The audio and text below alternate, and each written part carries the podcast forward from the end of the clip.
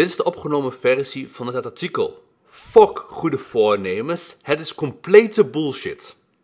Ja, je leest het goed. Goede voornemens zijn complete bullshit. Alles in deze wereld is bullshit, maar daar heb ik het met jou een volgende keer over. Als je echt je leven radicaal wilt transformeren, gooi dan je lijstje met voornemens weg en luister nu goed hoe je het aanpakt om echte resultaten te boeken. Wie shit zaait, zal shit oogsten. Je doet je stinkende best, maar je krijgt maar niet wat je wilt. Je krijgt wel steeds meer van wat je niet wilt. Als je op dat pad verder blijft gaan, komt het erop neer shit zaaien en shit oogsten. En daar is een eenvoudige verklaring voor. Je huidige identiteit matcht niet met wie je echt wilt zijn en daardoor blijf je dingen aantrekken die je eigenlijk niet wilt. Pas als jij je heel bewust bent van je being, je niveau van wie je echt wilt zijn, en daarna handelt, gaan er echt dingen veranderen. En dat bedoel ik structureel, niet voor een paar weken of op zijn hoogst maanden, zoals dat vaak gebeurt met goede voornemens. Fuck it, you can have it all. In de bestseller Fuck it, you can have it all staat precies beschreven hoe jij je leven radicaal transformeert. Maar daar heb je nu niks aan.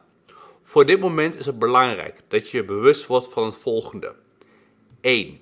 We handelen allemaal vanuit onze being. Alleen heeft 99% van de wereldbevolking geen idee wat het is, laat staan dat ze zich bewust zijn van hun being. 2.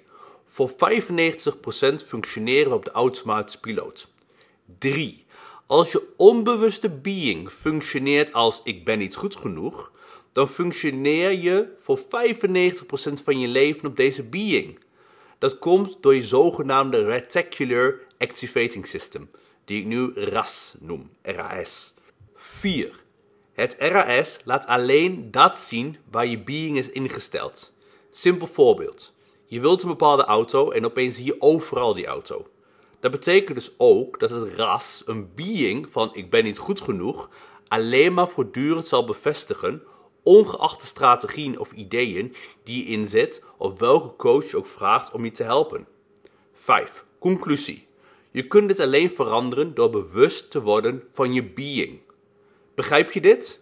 Goed, want dan ga je structureel werken aan een leven waarin je oprecht jezelf gelukkig, voldaan, vrij en rijk kunt zijn. Die nieuwjaar-challenges zijn motivatie-injecties en als je motivatie is uitgewerkt, hunker je als een junk naar een nieuwe shot.